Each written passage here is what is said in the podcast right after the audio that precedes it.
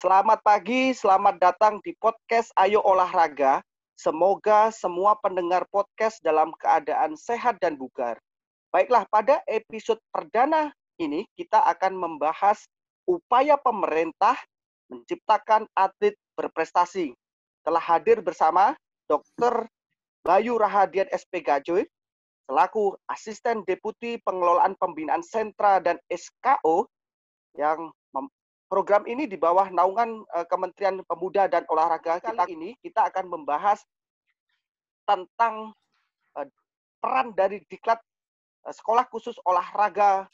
Ya, kita ketahui bersama bahwa diklat sekolah khusus olahraga Kemenpora sudah lahir atau didirikan di tahun 1977 dan sampai sekarang eksistensinya juga luar biasa. Nah, untuk berdiskusi atau menjawab uh, daripada uh, apa saja yang sudah dilakukan oleh uh, pemerintah, tentunya Kementerian Pemuda dan Olahraga. Asdep, selamat pagi Pak Asdep.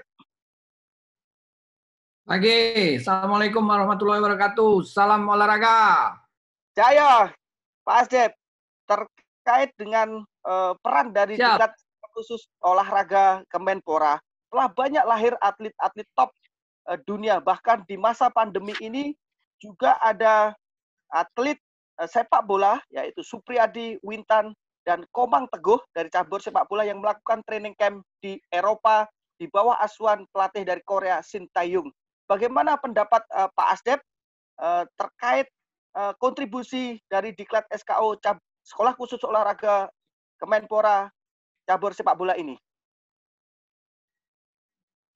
Terima kasih uh, sekali lagi apresiasi uh, buat uh, pemerhati yang concern terhadap pembinaan atlet khususnya pembinaan atlet junior.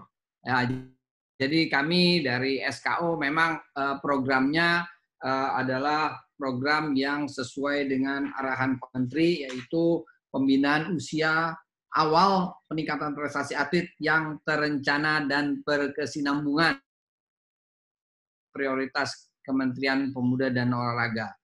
Selain itu juga perlu dicermati pidato daripada Bapak Presiden di Hari Olahraga Nasional kemarin 9 eh, katakan bahwa eh, perlunya kita sama-sama eh, mereview total ekosistem pembinaan prestasi olahraga nasional. Nah, salah satunya mungkin eh, sentra beberapa P di daerah dan juga tentunya uh, menjadi perhatian kita adalah eh, SKO di uh, Ragunan yang sekarang berkedudukan di Cibubur. Jadi itu program yang berjenjang dan berkesinambungan. Perlu diketahui memang kita masih perlu masuk ke sekolah kami tentunya diharapkan usia dini. Jadi sebelum masuk SKO sebenarnya. Jadi pembudayaan olahraga dalam hal ini pemasalan melalui olahraga pendidikan dan olahraga rekreasi. Jadi semua berkesinambungan baru masuk ke kami di SKO dan tentunya uh, kita menggodok uh, para uh, calon atlet junior ini nanti kerak kelak nanti di masa yang akan datang menjadi squad pelapis daripada atlet-atlet senior. Telah terbukti yang salah satunya adalah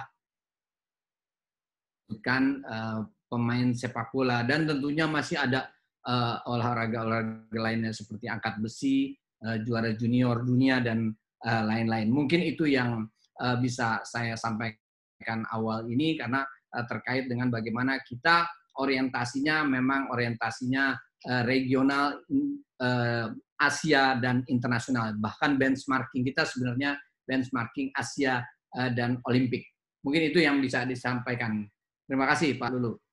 Ya, selanjutnya adalah dalam rangka untuk menyiapkan eh, pembinaan yang berjenjang, tentu Bapak mengalami kendala-kendala yang uh, harus diatasi untuk terus menciptakan atlet berprestasi.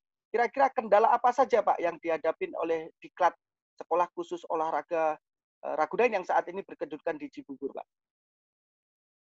Ya, tentunya berbagai kendala bahwa uh, seperti lagi yang disampaikan bahwa uh, tata kelola pembenahan tata kelola, daripada uh, manajemen uh, daripada pelaksanaan SKU ini memang harus terus terus di review dan terus diobservasi. Beberapa kendala tentunya kita klasik ya, kendala salah satunya memang belum tentu utama, tapi salah satunya memang kebijakan policy dari pemerintah terkait dengan penganggaran. Jadi memang kalau kita lihat secara quality dan juga secara apa namanya komprehensif bahwa penyiapan atlet muda yang Eh, go to internasional itu tentunya diperlukan anggaran yang cukup kuat. Jadi indeksnya kalau kita lihat dari anggaran yang sudah ada masih terlalu jauh. Tapi tentunya kita berjuang pilar daripada pendukung uh, apa namanya sport daripada pembinaan atlet itu ada banyak. Salah satunya memang sport science dan juga salah satunya adalah sembilan pilar yang uh, terkait dengan uh, kurikulum, terkait kompetisi, ya kan? Bagaimanapun juga anak-anak percuma dilatih tidak mendapatkan kompetisi. Jadi pilar-pilar seperti sarana prasarana, sumber daya manusia termasuk pelatih uh, dan juga uh, pendukung lainnya seperti sport science, nutrisi, sport medicine dan lain-lain itu juga tentu harus merupakan hal yang komprehensif dan juga jangan lupa latih tanding. Latih tanding adalah bagian daripada go to internasional. Mungkin Jangan. Ya Pak Asdep, dengan kendala yang begitu besar, yang begitu banyak, melahirkan atlet-atlet yang berkualitas bahkan berkontribusi kepada tim nasional. Di U16 juga saya catatan saya ada Atalah atau Ahmad Atalah Araihan yang saat ini sedang melakukan training camp. Hmm. Betul, training camp di PSSI. Juga ada angkat besi yang ya. Muhammad Fatir, juga Juliana Clarissa. Fatir adalah pemegang rekor dunia untuk angkat besi, juga Juliana Clarissa, atlet eh, dari Diklat SKU. Terakhir Pak Asdep, harapan Bapak terhadap Diklat SKU Ragunan atau SKU Ragunan yang berkedudukan di Cibubur saat ini Pak Asdep? Ya, ya, terima kasih. Jadi memang ya alhamdulillah ya mungkin doa juga daripada rakyat Indonesia dan juga kita mempunyai niat. Jadi jangan lupa sekali lagi niat kita bersama yang tulus dan ikhlas untuk uh, membangun uh, pengembangan atau pembinaan pengelolaan uh, sentra junior ini itu mungkin ada apa ada hasilnya. Tapi kita cukup di situ. Kita perlu evaluasi apa-apa hal yang perlu ditingkatkan bahkan kita bisa melahirkan tidak hanya tiga atau lima atlet kelas berkelas, tapi kalau bisa semua hampir semua atlet nanti yang ada di SKU itu mempunyai kontribusi yang uh, uh, cukup Asia maupun internasional.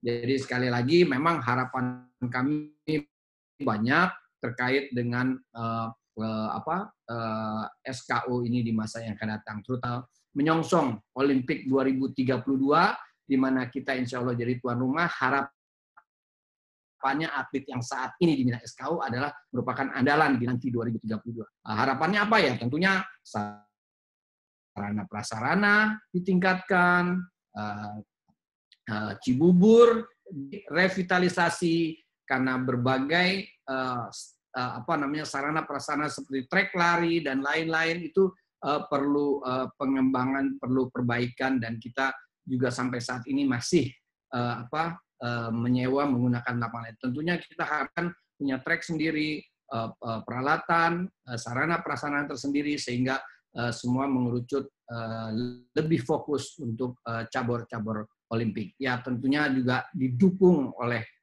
anggaran yang cukup karena anggaran yang cukup membandai sehingga kita program itu anggaran yang mengikuti program. Jadi seperti yang uh, disampaikan oleh Bapak Penas bahwa program kita yang utama. Jadi anggaran mengikuti. Gitu. Jadi uh, tidak kita menyesuaikan terhadap anggaran, tapi kita yang apa mendesain sehingga anggaran itu mengikuti dari apa yang kita inginkan. Tentunya. Terima kasih Pak Adep, statementnya luar biasa sekali dan semoga harapan mulia Bapak bisa didengar oleh seluruh pendengar podcast yang ada di seluruh tanah air. Udah sih uh, semua pendengar di seluruh tanah air sudah mendengarkan podcast Ayo Olahraga Kementerian Pemuda dan Olahraga. Tunggu sampai jumpa episode berikutnya.